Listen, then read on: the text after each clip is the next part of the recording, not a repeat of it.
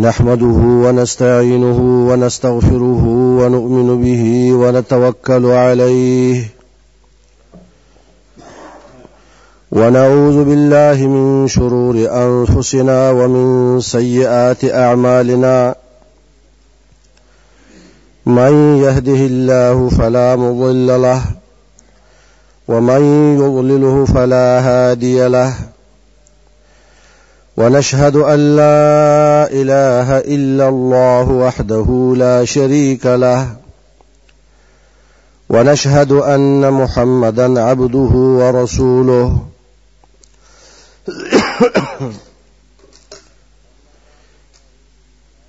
أما بعد فأعوذ بالله من الشيطان الرجيم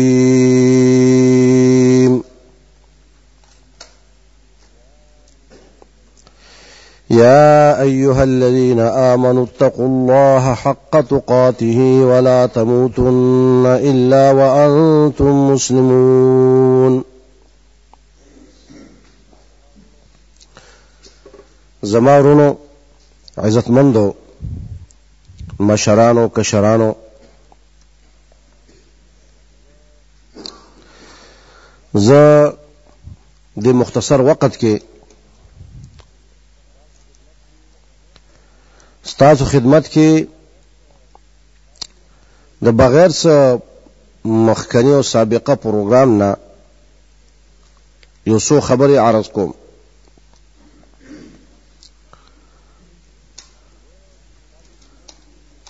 زه ستاسو خدمت کې څه د پروګرام لاندې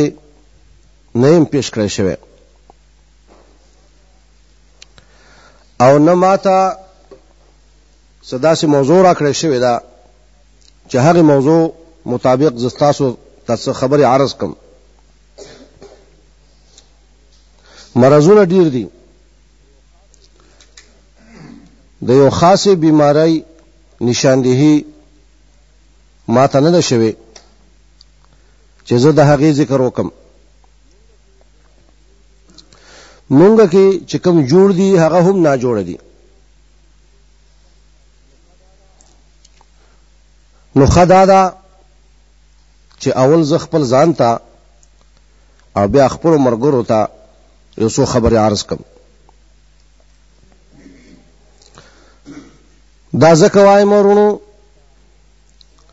چې دې ملک ته خو یا د سره اسلام راغلی نه دی او که راغلی و نو بیرته واپس تللی دی مونږه صحیح طریقې سره د الله رب العالمین دین نه دی پیژندلی کچره مونږه د الله رب العالمین دین پیژندلی وې نو مونږ مسلمانانو به چرم بې د الله رب العالمین نه د بل چا بندګي نه کوله اوس مونږ ګورو چې نن سبا مسلمانان د یو غټي علمي سره مخامخ دي د یو غټ مصیبت نه دوچار دي څوک په دې پوهیږي او څوک په دې نه پوهیږي مصیبتونه خو ډیر دي خو یو د دغه غټو مصیبتونو نه یو مصیبت دار چې د مسلمانانو اکثریت دیندار طبقه نه ده د مسلمانانو اکثریت تعداد چې ده چې ویش ماري مسلمانان خزنر مولیان او امیان یو دوا درې سرور لکونه کرونه چې په دې مخ د ځمکه باندې کم خلک د اسلام دعوه کوي او هغه ته وشماري په یو میدان کې نو تا ته به پته ولګي وروره چې اکثریت د مسلمانانو دینداره طبقه نه ده دینداره طبقه ډیر کم دي ډیره کمه ده دینداره مسلمانان کم دي اکثره طبقه د مسلمانانو چې دا زیات مسلمانان دا په فسق فجور په ګمراهۍ په فساد د عقایدو په دې څیزونو کې مبتلا دي او فساد د اعمالو کې دیندار طبقه ډیره کمه ده ورونو دا خو یو مصیبت دی دا یو حقیقت دی چې د دینه انکار کول جنون او لیونتوب دی بیا دویم مصیبت دا دی چې کومه دیندار طبقه ده هغه دیندار چې کوم مسلمانان دي هغه چې ته په یو میدان کې راجمع کې مولیان امیان خزه او نر او به وشماري نو اکثریت پکې د بدعتونو خاوندان دي دا دیندار طبقه چې کوم زړونو کې اخلاص ته د چا په زړونو کې چې للهیت ته څوک چې د رب بندګي کوي او هغه خلک چې هغه قرب الهي غواړي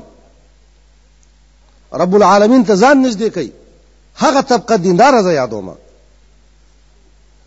منځونه کوي روجي نیسي حجونه ور کوي زکاتونه ور کوي صدقات ور کوي دعاګانې کوي خیر او خیرات کوي د خیر په لارو چارو کې کوششونه او منډې وای دغه طبقه یادومه د مسلمانانو دینداره نو دا چې وشمارې په یو میدان کې راجمه کې وشمارې یو دوا درې سرور لکونه کرورونه نو بیا ګوره چې دغه طبقه کې بیا اکثر د بدعتونو خاوندان دي ګوره با یو طرف ته د اسلام دعوه بکوي زړه کې به للهیت وي اخلاص به وي د الله رب العالمین قرب حاصلای مال به خرج کوي د الله عبادت به کوي خو په غلطه طریقه به کوي هغه طریقه باندې به کوي کومه طریقه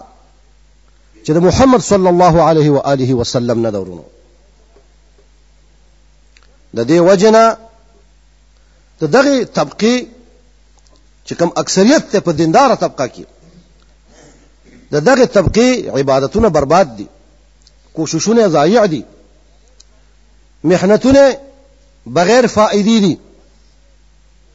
د دوی عمل څه نتیجه نه ورکوي ولې د دوی په عملونو باندې د نبی صلی الله علیه و آله وسلم د سنت مهر نشته د دوی اعمال بناوټي دي ځانه جوړ شوي دي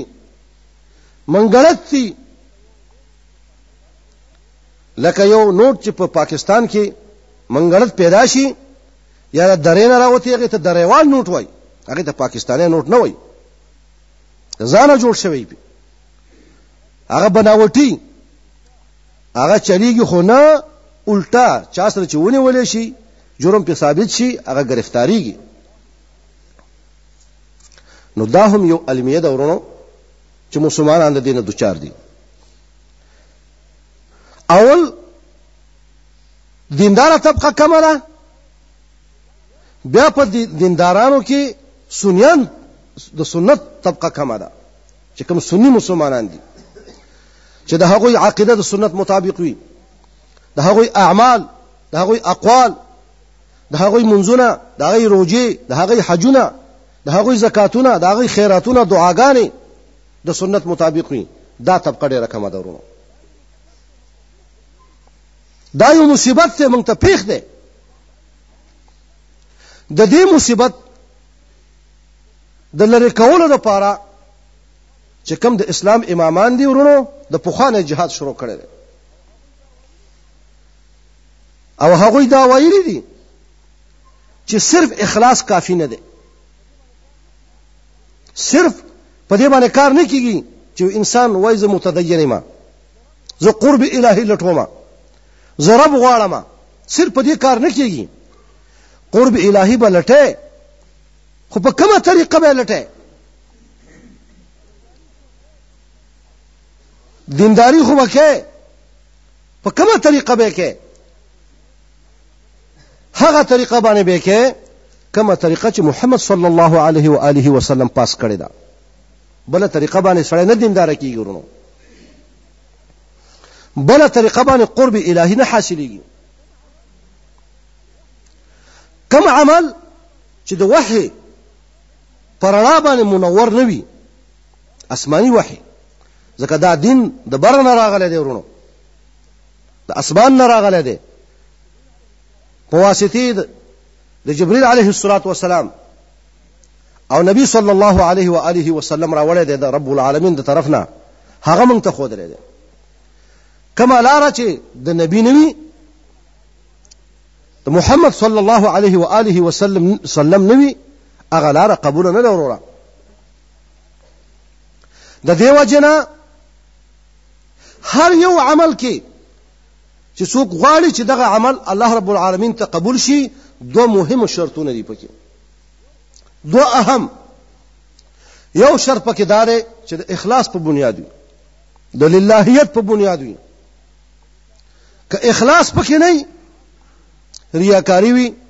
نفاق وي هغه عمل قبول نه دی په نزد رب العالمین باندې او دویم شرط دا دی چې د اخلاص سره سره به په هغه عمل کې تابعداري وي د محمد صلی الله علیه و آله وسلم هغه عمل به د سنت مطابق وي الا به هغه عمل رب العالمین په دلبار کې قبول وي د دې وجه نه الله رب العالمین فرمای چې ما مرګ او جون پیدا کړی دی د دې لپاره چې تاسو و ازمایم په تاسو امتحان او اختبار راولم دا د امتحان میدان دی او په دې امتحان کې څه پرچه ده ليبلوكم ايكم احسن عملا چې تاسو کې ښه عمل څوک کوي اکثر عملای نه ویلې چې ډیر عمل څوک کوي کمیت له اعتبار نشته دی کیفیت له پکې اعتبار دی دا تپوس بدل نه کیږي چې څو رکعاته منځونه دي کړو څومره روزې دي نیولې وي څو شپې دي شوګيري کړې وي خدا تپوس بدل کیږي چې عمل دې چا په طریقه کړو د چا په طریقه دې عمل کړی دی د دې وجه نه ورونو مؤمن چې لا اله الا الله محمد رسول الله وای نو پکار دا چې دې دوه بنیادونو نه ځان خبر کی چې لا اله الا الله ابو محمد رسول الله دا دوه سترې په دې باندې اسلام ولاړ دی د اسلام بلډن او بنیاد په دې ستونو باندې دی لا اله الا الله معنا دا ده عبادت صرف د یو رب العالمین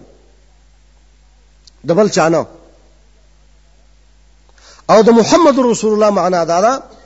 چې تابعداري صرف د نبی صلی الله علیه و آله وسلم عبادت خو چې کې د چا په طریقه به کې عبادت صرف د الله رب العالمین خو خو عبادت چې د الله رب العالمین کې د ځان په طریقې نه پیدا کې د ځانه به مونږ غلطې لارې نه پیدا کې طریقه به د محمد صلی الله علیه و آله وسلم وي ورنه عبادت باطل دی ورونو حضرت انس بن مالک رضی الله تعالی عنہ فرمایي جاء ثلاثة رهط إلى أزواج النبي صلى الله عليه وسلم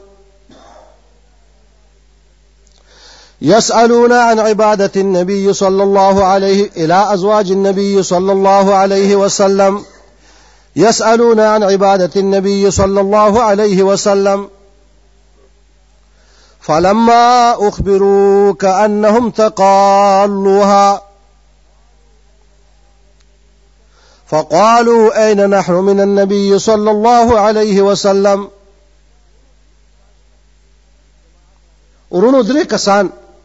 جماعت را غوډاله په دې غرض باندې رالو چې هغه تفتیش او تلاش وکړي د طریقې د عبادت د نبی صلی الله علیه وسلم په نهایت اخلاص سره راغلو په نهایت للهیت سره راغلو هغه د اصحابو د نبی صلی الله علیه و آله وسلم نو درې کسان طالب العلمان خپ اخلاص سره راغلو په للهیت سره میاندو بیبیانو بیبیانو نه تپوس کو چې د نبی صلی الله علیه و آله وسلم د زندګۍ څه طریقه د عبادت څه طریقه را پکور کې د الله رب العالمین څنګه بندگی کوي په دې طلب او په دې خواهش په دې تمني باندې هغه راغلی وو چې موږ د نبی علیه الصلاة والسلام د طریقې نه خبر شو چې په هغې باندې ګامزن شو هغې باندې رفتار وکړو کله چې خبر شو چې د نبی علیه الصلاة والسلام دا دا طریقه ده پته ورته ولګېده چې نبی علیه الصلاة والسلام څه حصه د شپې خوب کوي څه حصه د شپې تهجد کوي کله روجه نسی کله کوجه کوي د رب العالمین حقوق ما ادا کوي د بیبیانو حق ما ادا کوي بیبیانو سره نکام کوي چې کله دې صحابه کرامو درې کسانو طالب طالب العلمانو ته پته ولګیدا نو هغه ته دا عمل ډیر کم ښکارا شو دا غي دا خیالو نبی چی کنه هغه خو بچرم خوب نه کوي د شپې ټول شپه به نفلونه کوي دا تصور یو او هغه به د ورځې چرم کوجه کیږي نه هر ورځ به روزه نیسي او نبی او خزه نبی چې او بالکل بل خزونه کناره کشي دا تصور یو کله چې هغوی ته د نبی علیه الصلاة والسلام د عبادت د رب العالمین د پاره چې کوم عبادت کو هغه نقشه او ته پیش شو کأنهم تقالوها لکه چې دوی دغه عبادت کم وګڼو چې دا خو ډیر کم نو دا خیال نو خو بیا د نبی علیه الصلاة والسلام د پاره عذر پیش کو چې الکه نبی علیه الصلاة والسلام چې دا عبادت کم کړی دی یا د شپې څه حصه خوب کړی دی ټوله شپه تهجد نه کړی یا هر ورځ روزه نه دنی ولې بلکې کله کله روزه نیسی او کله کوجه کوي او خزو سره نکاونم چې کوي نو دې وجه دادا عبادت خو کم ده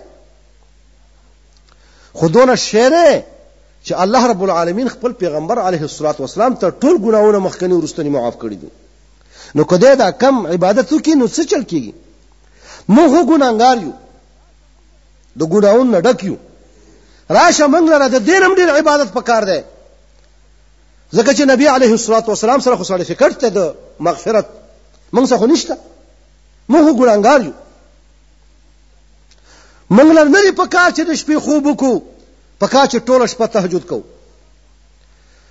زمونږ حالت دا تقاضا کوي چې هر ورځ به روژه نیسو لکه مونږ ګناهګار خلک یو چې الله رب العالمین مونږ معاف کړي او مونږ دومره ګناهونه کړی دي چې مونږ څه پکاره شي دینه بعد خزو سره تعلق ساتو پکاره چې خزو نم جدا شو نو یو پکې ویلا اما انا فاصلي الليل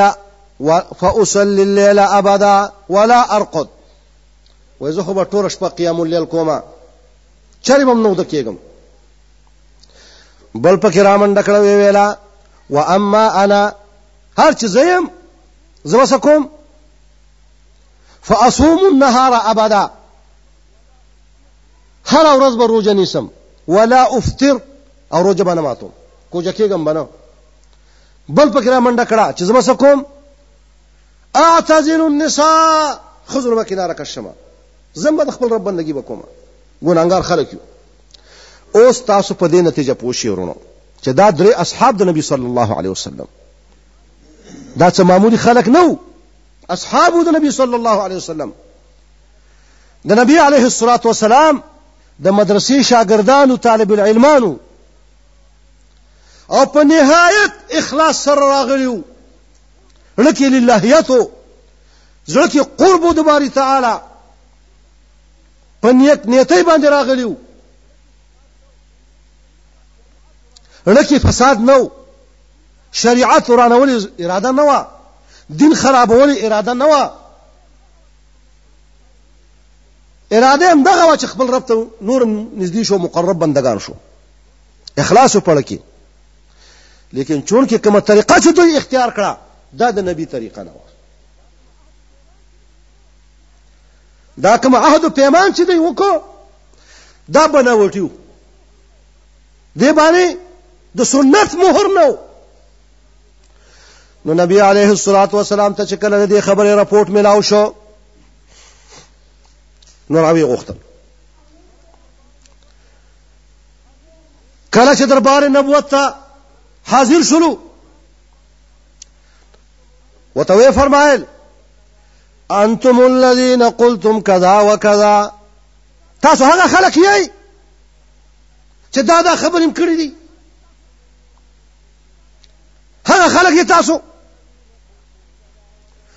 انتم الذين قلتم كذا وكذا دا دا خبرې هم کړې دي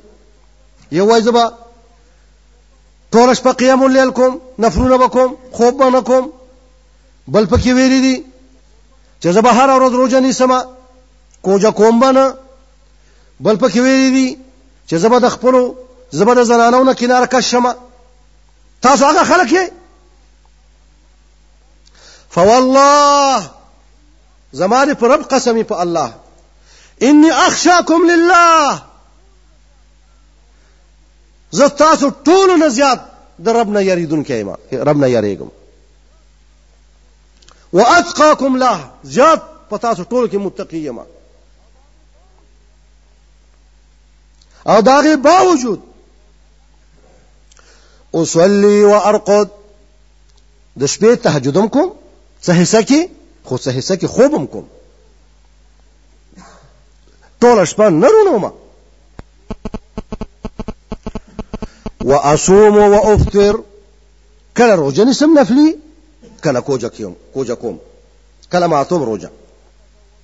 روزه نه نیسم واتزوج النساء او خزو سره نکاحونه کوم بیا فرمای فمن رغب عن سنتي فليس مني چا چې زمانه طریقې نه مخ واړو هغه زما زما په طریقه نه دی هغه زمانه نه دی اگر چې هغه په ځل کې اخلاص وي اگر چې هغه په لکه لهیت وي اگر چې هغه قرب الهي لټي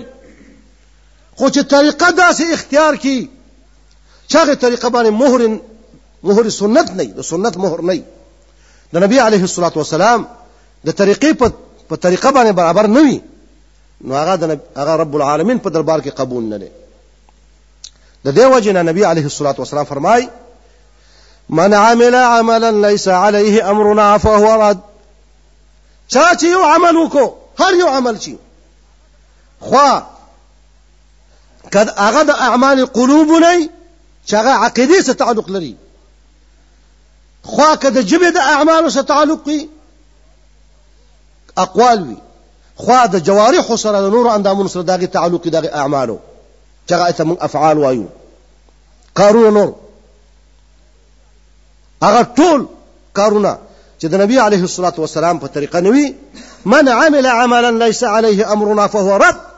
هغه باطل دی هغه مردود دی ورونو د دې نه موږ ته دا اندازه میلاو شوله چې د اسلام دا دو بنیادونه دي ټول اسلام په دې کې دی عبادت صرف رب, رب العالمین د بل چانه دا لا اله الا الله او خود عبادت طریقه محمد رسول الله د نبی صلی الله علیه و آله وسلم طریقه د بل چام نه حتی چې د بل نبی هم نه په دې امت کې یو سره کله الله بندگی کوي اوس په دې امت کې د نبی علیه الصلاۃ والسلام د پیغمبر کېدو نه بعد او د موسی علیه السلام په طریقې کوي هغه عمل باطل دی یا د عیسی علیه السلام په طریقه کوي هغه عمل باطل دی یا د آدم علیه السلام د نوح علیه السلام د بل نبی په طریقه باندې کوي هغه عمل باطل دی الا به قبليږي چې محمد صلی الله علیه و آله وسلم په طریقې وکي هغه ټول شریعتونه منسوخ دي هغه اوس قابل عمل نه دي قابل عمل د قیو طریقه ده چې کومه طریقه د محمد صلی الله علیه و آله وسلم ده بل طریقه نه ده ورونو ټول طریقې خطا دي اوس که کومه طریقې ده الله رب العالمین د بر نمر علی ګلوی د اسلمان نه په واسطه د نورو پیغمبرانو هغه د نبی علیه الصلاۃ والسلام د پیغمبر پیغمبري پوری ختم شوه او دا د مسلمانانو عقیده ده چې داسې ورځ به راځي چې د اسمان نه به عیسی علیه السلام راکوزیږي عیسی علیه السلام ژوندی دی وفات شوی نه دی هغه چې راکوزیږي هغه په دې امت کې شاملېږي به حیثیت امتی نه به حیثیت نبی د دیو جنا عیسی علیه السلام د اولو العزم رسولونه دی د جلیل قدر پیغمبرانو نه یو پیغمبر دی لیکن دی امت ته چې راځي به حیثیت امتی به راځي د نبی صلی الله علیه و آله وسلم هغه به مکلف وي مامور به په تابعداري د نبی صلی الله علیه و آله وسلم د دې وجه نه د عیسی علیه السلام راتلل دنیا ته د اسمان نه راکوزېدل دا د ختم نبوت د عقیدې سره مو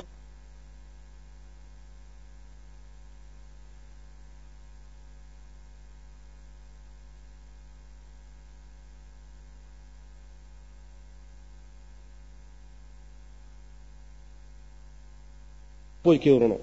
ټول اسلام په دې کې دی عبادت د الله رب العالمین تابعداري د نبی صلی الله علیه و آله وسلم اوس چې مونږ ګورو ورونو په مسلمانانو کې نظر اچو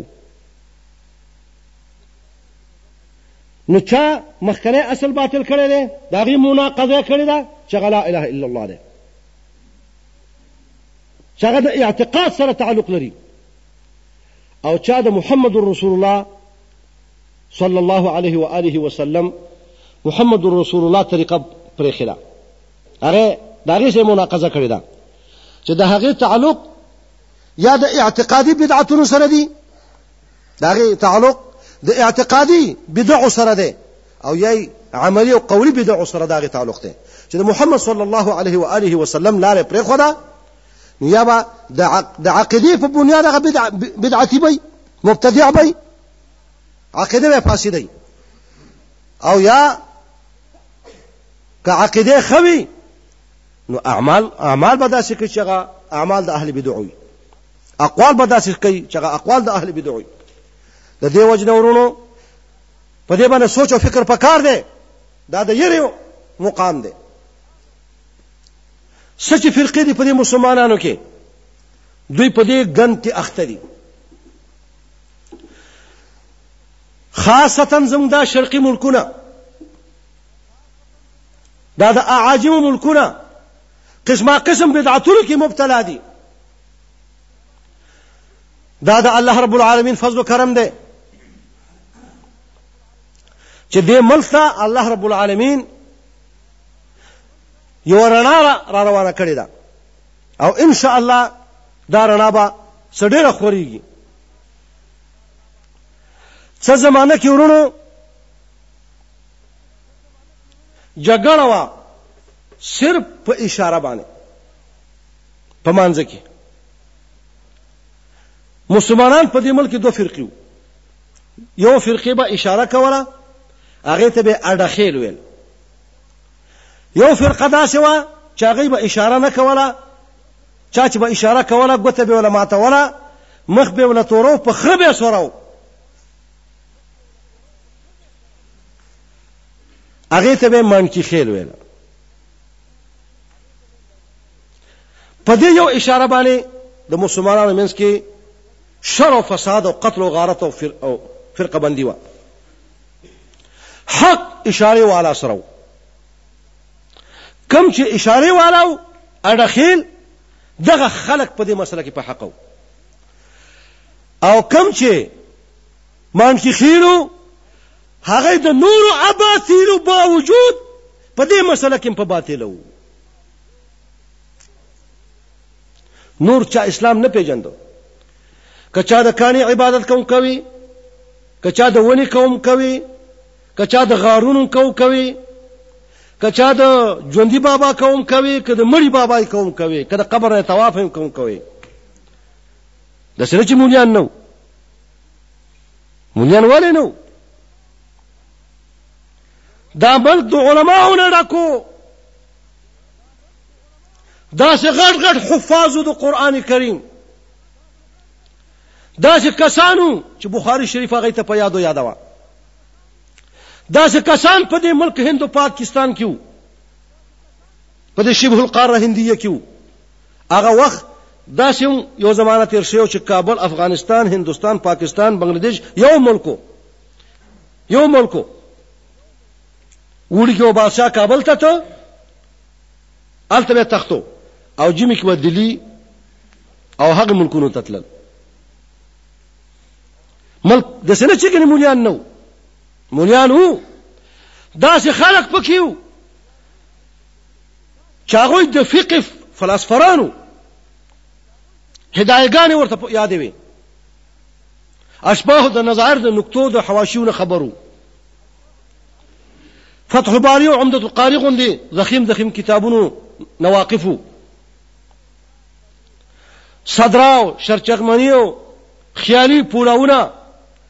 د دې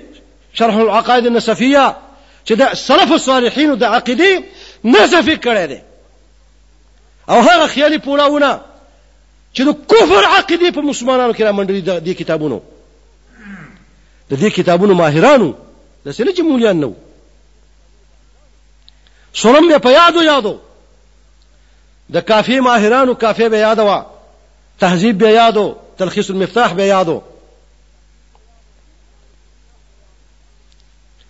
د دې باوجود لوی علما موجودو لیکن دا علما یا په شرک کې مبتلا او په خپل قبر پرس بو او یا به خاموشو ډېر کم به په داسې داسې یو کس وو چې هغه به چېرته شرک ته شرک وو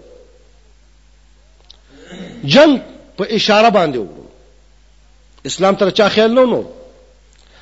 دا یو زمانہ و تیر شو تیر شو به په زواد دواد مسله رااله یو زمانہ تیر شو په زواد دواد باندې پاره باندې کورونه وصول پاره باندې قتل غارت وشو یو فرقه وا چې هغه بویلا ولا ضالین دي بل فرقه دا شوا چې هغه بویلا چې ولا ضالین دي دا ولا ضالین والا ډیرو جمهور ولدوالینو او کم کسان چې د علم قراءات بوی لګ اوریدل نو هغه ته ولزغوال پارټي ویلا ولزوالین والا اگر چې هغه هم تلفظ غلط کو ځکه دا هو ولزوالین خو نه لیکن حق ته دا ولزغوال پارټي ډیره قریبه و لدې وجنه چې د علم قرائت کتابونه او د صرف کتابونه او د لغت کتابونه په دې متفق دي چې واد او وی دا ورور خور دي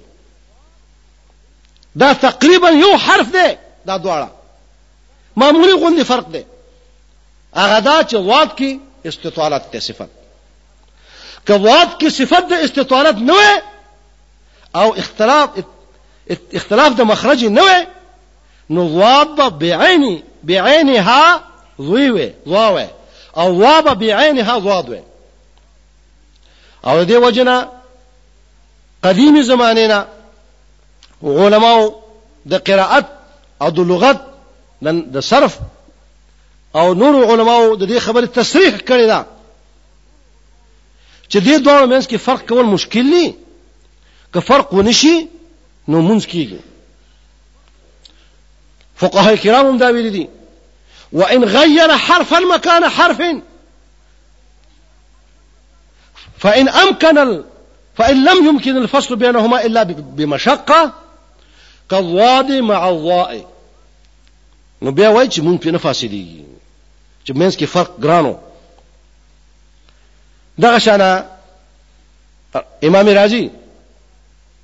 چې دا د منطق غټ فیلسوف دی او په عقیده کې فاسد دی امام رازی د منطق او د فلسفې لوی امام دی خو عقیده کې فاسد دی خې په زړه باندې ولیکي د د په کتابونو کې خطرناکې خبرې دي د قبر پرستۍ او اما د الله رب العالمین په صفاتو کې چې امام رازی کومې لتی والدي العیاذ بالله د امام رازی دا ویلي دي وای بخاری مسلم کې چې سره صفاتونو احادیث دي د الله تعالی دا ټول زنادقه وضع کړی دی وای دا په ډیرو کتابونو کې امام رازی ویلي دي تاسو معمولی سره نه وو د څه کرتب کړی نه چې د څه کرتب چانو کړی دا یو کرتب صرف دغه کړو محمد بن شجاع البلخی دا کرتب اغله شروع دی او دغه شان دغه نه قبل بشر مریسی ویل کړی دی بشر مریسی ویلیو چې احمد حنبل سره د زنادقو کتابونه دي ځکه هغه سره صفات او احادیثو دا زندقه او الحاد دغه زمانه نه راغلی دی نو بیا چا ورته ویل چې الکه دا څنګه خبره کې بخاری مسلم دا خو معمولی خلک نه دی او بیا صحیحین دا خو د قران نه بعد مسلمانانو سره که د ګرانټۍ کتابونه دي خو همداس بخاري مسلم دي کنه نو هغه جواب کوي وای دا خو تا ته پاتې نشته بخاري مسلم خو په غیب خبر نو زنادق قرال کتاب بخاري مسلم کې د زنادق او احادیث ومنډل د صفاتو د استواء العرش احادیث د قدم احادیث د رجل احادیث د ګوتو احادیث د نزول د باری تعالی اسمان دنیا ته دا احادیث دا ټول زندقان منډلي دي دا خو د پیغمبر حدیثونه خو نه دي دا څوک وای دا ستا امام رازي وای چې ته عقیده اخلي تم فاسد ستا غني کم فاسد هغه چې امام رازي ورته ته وای امام خو معمولی خبره ده نو دا امامان دي خدا د بدعت امامانو دا د اسلام امامان نو په دې ځان پوه کړئ دام یو موضوع ده که موقع ملاو شي ان شاءالله او ژوند مې باقي وو او په دې رګونو کې وینه چلیده زه به تاسو ته یو ځل دام بیان کوم چې د اسلام امامان څوک دي او د د بدعت او د شرک او د خرافاتو امامان څوک دي د تعطیل او د جهمیانو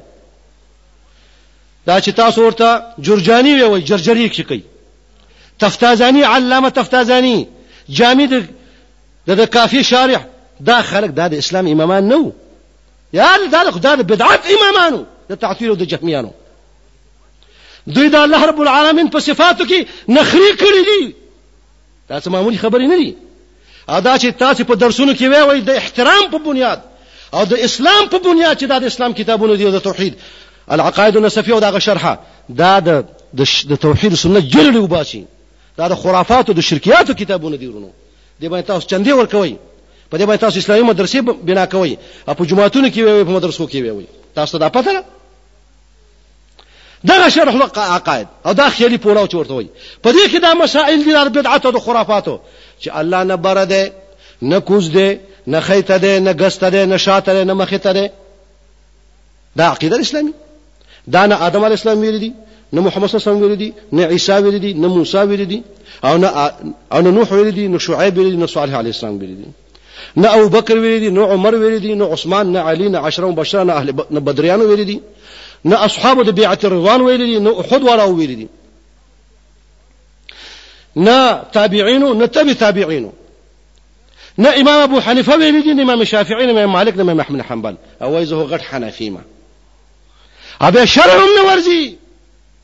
وای په فقهي مسلو کې خو حنفیان یو خو په عقیده کې ماتوریدیان وو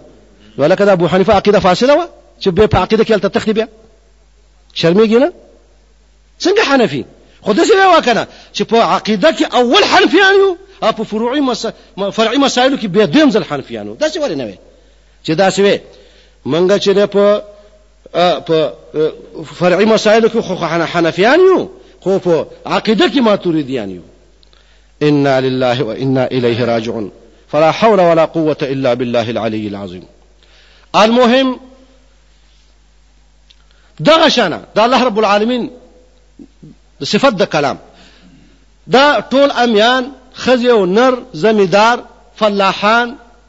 دا ټول په دې باندې دي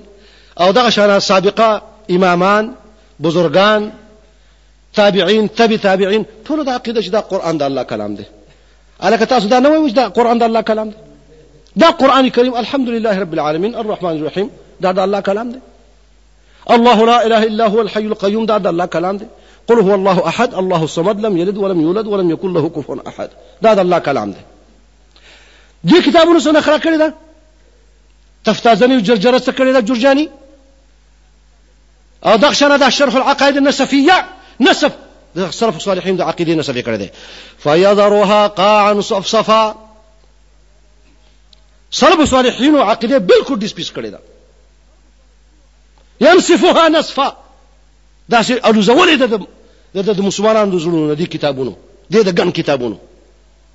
دا څه وای نه دا قران د الله کلام نه دی شور بنه کوي چې څه لکه د الله کلام چې دا نه دی د الله کلام کلام نفسي دی کلام نفسي چې نه حرف لري نه صوت لري تجزي نه قبل شی واحد دی نه پکې امر شته نه پکې نهي شته نه پکې اخبار شته نه پکې استخبار شته هغه د الله کلام دی اما دا قران دا قران دا کلام مجازي دی حقيقي نه دی دا دال په کلام د الله دې ته چې مون کلام الله وایو نو حقیقتا وته نه وایو بلکې دې وجه نه وایو تسمیه د دال په اسم د مدلولو دا بغته وکړه وته اوس دې ته وایي بغته دې ته وایي ډکوسلا بناوټی نوټ شو اوس اسلامي عقیده ختمه شو ورونو اسلامي عقیده خو ځکه ختمه شوه چې د مسلمانانو په دې باندې اتفاق دی د سلف صالحینو دا عقیده وه چې دا قرآن دا د الله رب العالمین کلام دی او دا حقیقي کلام دی د باری تعالی د الله رب العالمین دا د الله رب العالمین حقیقي خبرې دي دا عربي کلام دا عربي قرآن د الله رب العالمین کلام دی او دوی وایي چې نه دا عربي قرآن چې دی دا کلام مجازي دی دا حقیقي کلام د الله رب العالمین نه دی نو ځکه زه وایم چې اسلامي عقیده ختمه شوه دا د دې متکلمینو عقیده د دې ماتوریدیو دا اسلامي عقیده نه ده بلکې د دې رجعه کیږي د هغې مشرکانو عقیدې ته چې کومو دا ویلو ویلو ان هذا الا قول البشر چې دا د بشر خبرې دي دا د الله خبرې نه دي هغوی د نبی صلی الله علیه و آله وسلم تکذیب کو دروغجنوالی کو هغوی ویل چې تا د الله خبرې نه دی راوړي تا د ځانه دا خبرې جوړې کړې دي دا د بشر کلام دی دا د الله کلام نه دی زمونږ یو بل بزرګ دی چې هغه د ډېرې زمانه نه توحید او سنت صادر په ځان باندې اچولې دی او توحید او سنت ځان داعي ګڼي لیکن یو تفسیری لیکلی دی دا غي ترجمه په پښتو کې د دې آیات کریمه دا شکړه ده تبارک الذی بيدیه الملک چې په قدرت کې بادشاہی ده نو ورونو دا ترجمه اوس باطله ترجمه ده دا غیر اسلامی ترجمه ده دا ترجمه د سلف صالحینو د ترجمې نه خلاف ده د ید ترجمه دا ترجمه د سلف صالحینو د ترجمې نه خلاف ده د ید ترجمه په قدرت سره دا د معطله او جهمیه ترجمه ده بلکې صحیح ترجمه دا ده چې د ید ترجمه په لاس باندې کې او د قدرت ترجمه په قدرت باندې کې قدرت د الله رب العالمین جدا صفت ده او ید جدا صفت ده لکه څنګه چې قران او حدیث کې د قدرت صفت د الله رب العالمین په باره کې راغلی دی هغه به هم منو دغه شان قران او حدیث کې ید صفت د الله رب العالمین د پاره راغلی دی هغه به هم منو ید به عین قدرت نه غنو نو قدرت جدا صفت ته او لاس جدا صفت ته دا د اهل سنت ترجمه نه ده دا د اهل بدعت ترجمه ده ولی گواہی ووري د امام ابو حنیفه رحمت الله علیه سړیا ته چې وځ په فرو فرعي مسائلو کې چې حنفي مو په عقیده کې ماتوریدی مو خو ځکه خطای کنه د مقام کې ستا ابو حنیفه عقیده فاسده و په عقیده کې ولې ابو حنیفه دعوه ولې نه کې د دې وجه نه ټول امامانو په منځ کې اختلاف د فرعي مسایلو وو خو عقیده کې نو اختلاف الحمدلله دا د الله رب العالمین احسان دی دا ټول امامان د هدایت امامانو امام ابو حنیفه رحمت الله علیه الله رب العالمین دی د هغه د نور امامانو د قبرونو د رحمتونو ډک هغه فرمای ولا يقال يده قدرته ولا يقال يده قدرته دا به نه ویل کیږي چې د الله د ید نه د لاس نه مراد قدرت ته قدرت جدا صفت ته هغه په بل آیت ثابت ته ان الله على كل شيء قدير هغه جدا صفت ته ید جدا صفت ته قدم جدا صفت ته رجل جدا صفت ته اصابع جدا صفت ته یمین جدا صفت ته قبضه جدا صفت ته عین جدا صفت ته حیات جدا صفت ته علم جدا صفت ته بصر سمع جدا صفت ته اراده جدا صفت ته دا سره چې علم راشي ولته اراده مراد ده بصر راشي ولته کې حیات مراد ده حیات راشي ولته قدرت مراد ده نه دې ته وي ګډوډه دې ته وي غوبل غوبل په کې لګي څه اسلام کې راغلی او منی لا اله الا الله محمد رسول الله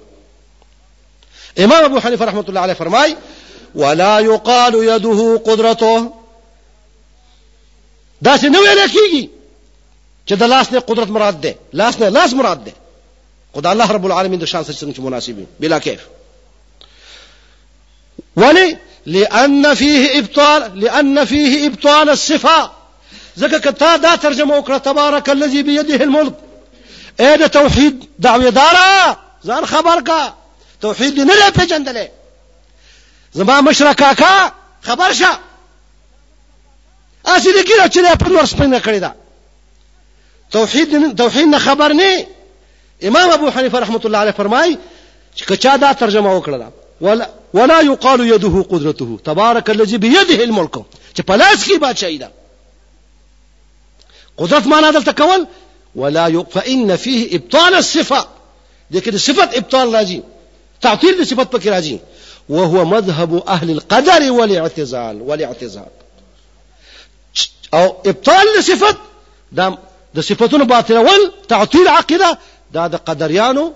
چې د تقدیر نه منکر دي او د معتزله او د جهمیانو عقیده وا دا د سنیانو توحید والا عقیده نه ده نو ته څنګه توحید والای معلومه دا شو چې توحید والا نه تلحید والای غوبل کې ځان خبر کړه په دې باندې دا عقیده فاسده ده که انپړ غلط شي خو موږ یې انپړ لې زمیدار خطا شي موږ یې خیر دې زمیدار دې غل خو یو چر ورجی نور چل نور جوړ کنه نو الکه نو تا خو پکې ګیرس بنا کړه کنه په دعوه توحید کې چې قبر کنارې ته ورسېدل تفسیر دی ولیکو پښتو کې او ترجمه دی پکې وکړه د بيدینانو د جهمیانو په گواہی د امام ابو حنیفه رحمت الله علیه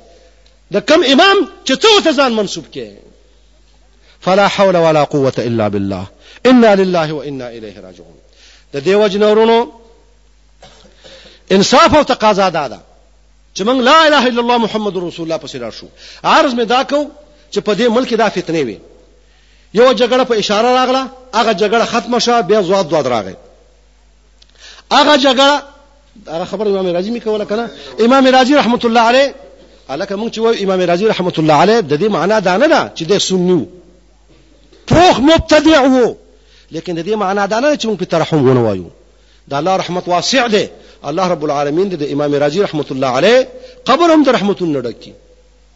هغه خطا شوی دی هغه موږ د اسلام امام نه ګڼو د بدعت امام ګڼو او کې دې شي توبه استري موږ سره موجود خو نه دی کې دې شي حجت پنه قائم شوه هغه په خپل صلاح نیت باندې په نیک نیتۍ باندې دا خبرې کړې دي هغه ځکه داغه مراد دا چې د الله تنزیه وکړو د الله پاکي بیانو خو د الله پاکه کې هغه خطا شوی دی اراده دا و چې د الله پاکي بیان کو است د الله رب العالمین د صفاتونو نه پاک په دې باندې پوښره اراده ټیکو ان شاء الله نو دا حسن ظن دی دی وجنا دا څه منافق خبره نه ده مونږ ویل شو چې رحمت الله علیه الله رب العالمین دې په رحمتونه اوري او الله رب العالمین دې دا غوي غلطۍ زموږ ټول معاف کړي هغه ویل دي چې د زواد او د دواد مینس کې فرق ډیر مشکل دی او که دا فرق محل تکلیف وې نو کله چې مسلمانان په اسلام کې داخل شو اعاجم اعاجم نو بیا به نبی علیه الصلاة والسلام به خامخا اعاجم عجمیان خلق مکلف کړی وي چې تاسو د زواد او دواد فرق وکړي هر کله چې هغه د زواد او دواد په فرق باندې مکلف نشو فعلم ان الفرق ليس محلا للتكليف نو پته ولګی دا چې د زواد او د دواد د زواد او د زوی په منځ کې د زواد په منځ کې فرق محل تکلیف نه لري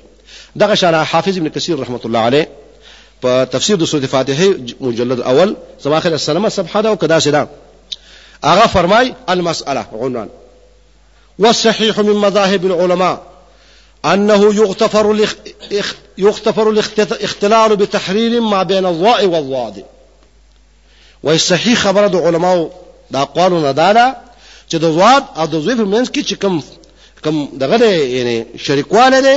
څوک دا فرق نشي کولای دا فرق معاف دی فرق په کار دی خو که څوک نشي کولای نو معاف دی نو معلومه دا شو چې ضاد او او ضوی دا د دال ډیر بعید دی دغه شانه صاحب د تفسیر منار چې رشید رضا رحمه الله چې لوی عالم د قدر عالم د مصر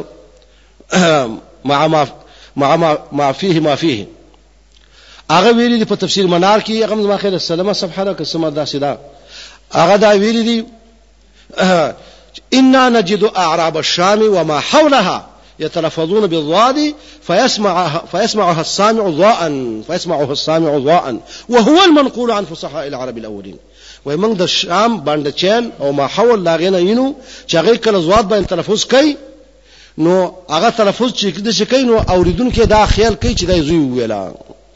زما دې خبرونه مقصد دا دی چې د زواد او د زوی مشابهت ته نو نو کوم خلک چې چې متهم په ورزغال پټي باندې دا خلک حق ته ډیر قریب وو هغه جګړه ختمه شو ختمه ده ختمه ده دا ټول تمهیدو الله رب العالمین مزید رڼا بل راوسته بل رڼا چراله دې سرحد ته الله رب العالمین زمون شیخ شیخ القرآن مولانا محمد طاهر رحمت الله علیه الدیوبندی النقشبندی الپنجپیری هغه ته توفیق ورکو او الله رب العالمین په فضل او کرم سره هغه د قبر پرستی مهم او داغه داغه خلاف جهاد شروع کو د هغه جهاد په وجه باندې ډیر زړه را بیدار شو ډیر دماغ منور شو خلکو کې حرکت پیدا شو په دې ملک د قران کریم ترجمه کفر ګڼل کېدل الله رب العالمین دغه انسان دغه شخصیت د سعی او د کوشش په وجه باندې الله رب العالمین په ډیرو ځایونو کې د قران کریم درسونه قائم کړل اگر چې هغه ډیرو درسونو کې د قران کریم تحریف هم کیږي خو الحمدلله خیر ډیر شو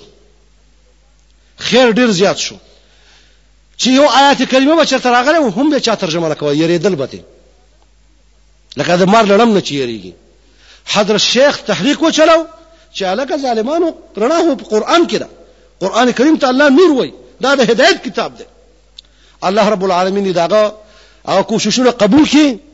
او دا هغه غلطۍ دي الله رب العالمین معاف کړي او قبر دی ولا الله رب العالمین د رحمتونو درانګانو نه ډک کړي هغه دا کوشش شروع کو حتی چې ډیر خلک د شرک نه الله رب العالمین خلاص کړ دا عظیم جهاد او دا عقیده د لا اله الا الله سره متعلقه وه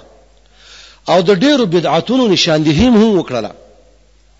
لکه مړو سره چې کوم بدعتونه نختی دي جنازو سره سنتونو سره جمعتونو کې اخو د خو نور بدعتونه هغه نشاندهی وکړه خو د ټولو بدعتونو نشاندهی نه کړي سلګ نورم ته پاتې دي هغه دور په ختمېدو روان دی الله رب العالمین یو بل ډول را پیدا کو هغه دور چې راغو نو د سنت د التزام او د دې عقیده د پرچار چې بنیادی خبره ده دا ده چې د نبی صلی الله علیه و آله وسلم فرمان به په هر چا مقدمي د دې پرچار شروع کو چې دا د اهل حدیث عقیده وه دا نور هم وړاندې شو الحمدلله او دغه شانه د الله رب العالمین د صفاتونو چې کومه مسله وا چې دغه کتابونه د ماتوریدیانو د اشعریانو د تفتازانیانو د جورجانیانو د نصفیانو د نور انوارانو دا ځکه وایم چې دین نور انوار په ابتدا کې دي چې وای دا قران لفظ او معنی دواړه مخلوق دي دا بعینه د جهمیانو عقیده وه دا ډېر غټ زړه ورو ما دا خبره د دې ماتوردیانو په بل کتاب کې دا څه نه لیدل دري شرقال مرقاده خو دې خو کې شته خو هغه چل ول کوي دي او د په چې کم ده سم راخلا شوی دی وای لفظ معنی دوه مخلوق دي دا ډېر زړه ورو نو دې چې نور انوار وای دا ظلمات بعضها فوق بعض دا ګوره دا کتابو نور انوار نه لري په دې ځان خبر کوي نو اوس بل دور راغو چې دې دور کې اشاره مثلا شته زواد داد مثلا پکې ده زمون حضرت شیخ القرآن رحمت الله علیه او داغه مرګرو شاګردانو چې کوم مهم چلول او غم پکې دي چې کوم ته بدعتونه ویلو هغه ته هم بدعتونه وای خو چې کوم هغه نه پاتې شیو یا د ناپوهي په بنیاد چې پامه ورته نو او یا دا چې مصلحت مصلحت په بنیاد چې هغه تم پته وجدا بدعتونه دي خو خو موقع ورته ونه ملاو شوی چې بیان کی سم فلسفه پکې و په دې باندې پوښلې نو داسې دور راغو چې هغه چې زموږ ښکارا کوي او نور نشاندهي هم کوي نور مهمه مسلې هم بیانوي چې یو دا غیر اهمه مسله لکه څنګه چې د قبر پرستۍ خلاف جهاد کول مهم دي د ښانه د دې متکلمینو ماتوریدیانو شرجامیانو خلافو جامیانو خلاف تفتازانی خلاف جورجانی خلاف رازی خلاف دا چې کوم ګند په کتابونو کې کړل لري د دې خلاف جهاد کول دا هم غټ مهم دی په اسلام کې دا خو ټوکی خو نه دي وګوري اقوال د امام احمد حنبل وګوري اقوال د امام بخاري وګوري اقوال د ابن منده وګوري اقوال د امام ترمذي په خپل سنن کې سنن جامع جامع جامع ترمذي کې د دې خلکو مبارک څه اعتقاد ساتي دا ټول مهم دي او د دې داعیه موجوده ده وجه موجوده ده چې ملک ډک ته د خرافات او کفریاتونه د دې منطق فلسفې نه او د دې ګن نه او د دې د جهمیانو د عقایدونه دا مو چې جهمین صفان مړل جهمین صفان کمل لین زهر پریخي دي وای پاکستان کا مطلب کیا لا اله الا الله پاکستان آزاد شو انګريزان لال اسلام رانغو ولی د انګريزانو بچي خوشته کنه په کورسو باندې سګ نشتی دا چې اوس په دې کورسې باندې اول زم پلار دی سو او زه د شریعت والا ته حیران یم الله رب العالمین دې کامیاب کړي دا شریعت والا شریعت والا وایي موږ ځکه غریب شو چې موږ سره حکومت وایي لیکل وکړل چې شریعت براولو نو لکه چې شریعت راولي نو ول خو بس موږ چې کوم دی دغه دغه جنې جواب اول خو دغه جنې کور ته ځي کنه چې شریعت راولي خو په اول به فزان دا ولي ځکه د اسلام کې خو د خځې حکومت خو نشته به داسې خځې چې پردم نه کوي چې هغه د نر نوم زیاته به حجابي نور خو بیا هم سره پرده خوږي کنه چې شریعت راځي نه اول خو براغه نه شروع کیږي کنه کنه کنه صرف په ملکان هندستان یو خبر نشر کړی دی خبره خدای د شیطانت ته د هندوانو خو خبرم پکې حق ده وای موږ پاکستان ته حیران یو وای کشمیر کې اسلام غواړي او ملکان کې نه غواړي نه خبره خو یعنی اسف نفسي خره خو خبره خو د شیطانت تکل اندوانو ویل دي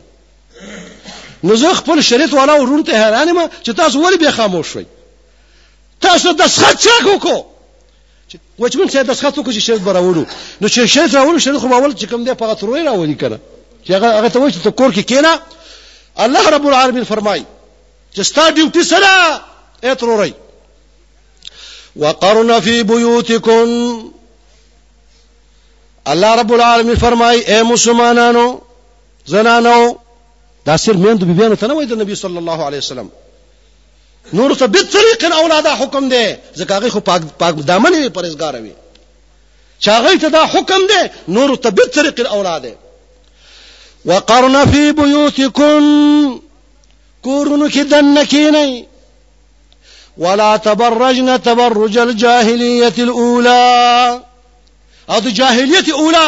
د مشرکانو د کفارو په طریقه باندې بهر مزایي که بهر تلو ته ضرورت پیښ شي په حجاب کې ځي پرده کې ځي نو زموږ دا ترور چې په حجاب کې راځي نم خور دا نم ترور دا په دې باندې پوښې په تند نه ولو یو مصیبت ته چې مسلط ته په دې ملک باندې مصیبت ته الله رب العالمین دې هغه سم هدایت وکي موږ هغه سم دښمنی خو نه ده که دښمنی هم د وسره وران هم د وسره په بد عملي وسره ورانه ده نور د هدایت سوال غیر پرم کو دې وجه موږ په دعای قنوت کې وایو اللهم اهد ولاة امورنا اے لازم حاکمان ته هدایت وکي اللهم اجعل ولايتنا في من خافك واتقاك يا رب العالمين اې الله زموږ حکومت هغه چاله په لاس ورکې چې تا نه یریږي اې ربه وانزعها او دا حکومت وباسه اې الله عن أش من اشرارنا په موږ چې کوم شر پسند خلق دی هغه نه اخوا کا موږ خدا سوالم کو هغه ته هدایت کو د هدایت دعا کو هغه ته د هدایت دعا کو نور ته د هدایت دعا کو ځان ته د هدایت دعا کو زموږ سره ذاتی دښمنی نشته ځکه موږ د پیغمبرانو علیهم الصلاه والسلام په طریقه روان یو نبی څه ته وای مولا عبد المؤمن یو کتاب کړی النامه هغه کې د نبی دا معنا کړی دی نبی خیرخواه دشمنان نو نبی چې ده د دشمن خیرخواهی کوله نو تابعدار د نبی چې دی هغه هم خیرخواه د دشمنانو دي نو موږ د خپل دشمنانو خیرخواهان یو موږ سره هیڅ چټي خلک دځې کوي اناس اعرضوا عنا بلا جرم ولا معنى اساءوا ظنهم فينا فهل لا احسنوا الظن اسی موږ باندې چې کوم دې تومتونه ورګول خلکو کدی وبندې ورونه دي موږ دا غیب خیر خوایي کوو هغه تم د قوی چې څه عقیده امام ابو حنیفه رحمت الله علیه دا هغه اختیار کړي که زموږ پنځ توریا ورونه دي هغه تم د قوی چې ورونو حضرت شیخ چې څه فرمایلی دي کوم اصول قواعد یې خېری وضع کړی دي هغه باندې روان شي نشته نشته حجت هیڅ قول پنج پیر قول احمد فعل احمد را بغیر هغه چې تاسو په دماغونو کې کتاب او سنت کوم قدر اچول هغه ټینګ کوي هغه چې دا وصیتونه د امامانو تاسو ته پیش کول چې امام ابو حنیفه رحمت الله علیه فرمایي اذا صح الحديث فهو مذهبي کله چې صحیح حدیث شغه زما مذهب ده قربان شم د امام ابو حنیفه رحمت الله علیه او قربان شم د خپل استاد مولانا محمد طاهر رحمت الله علینا الپنفیری الحنفی الماتوریدی النقشبندی الدیوبندی قربان شم دا غنم الله رب العالمین دې په قبر باندې د رحمتونو باران ولو کی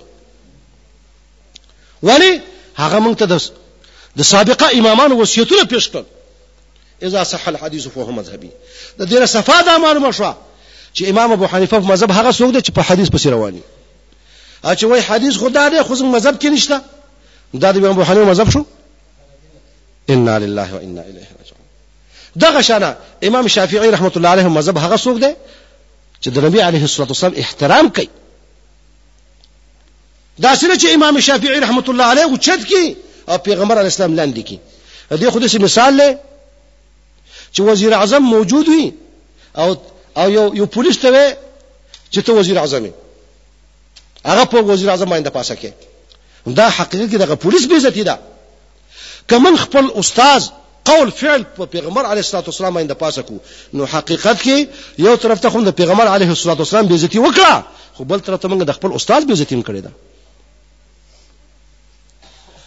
د دې وجه نه امام مالک هم دغه وصیتونه کړی دي ما منا الا راد ومردود علی الا صاحب هذا القبر صلی الله علیه وسلم چې مونږ کې هر یو کس کله به خبره منل کیږي کله به خبره رد کیږي سوا د صاحب د دې قبر چې محمد مصطفی صلی الله علیه وسلم دی دغه شانه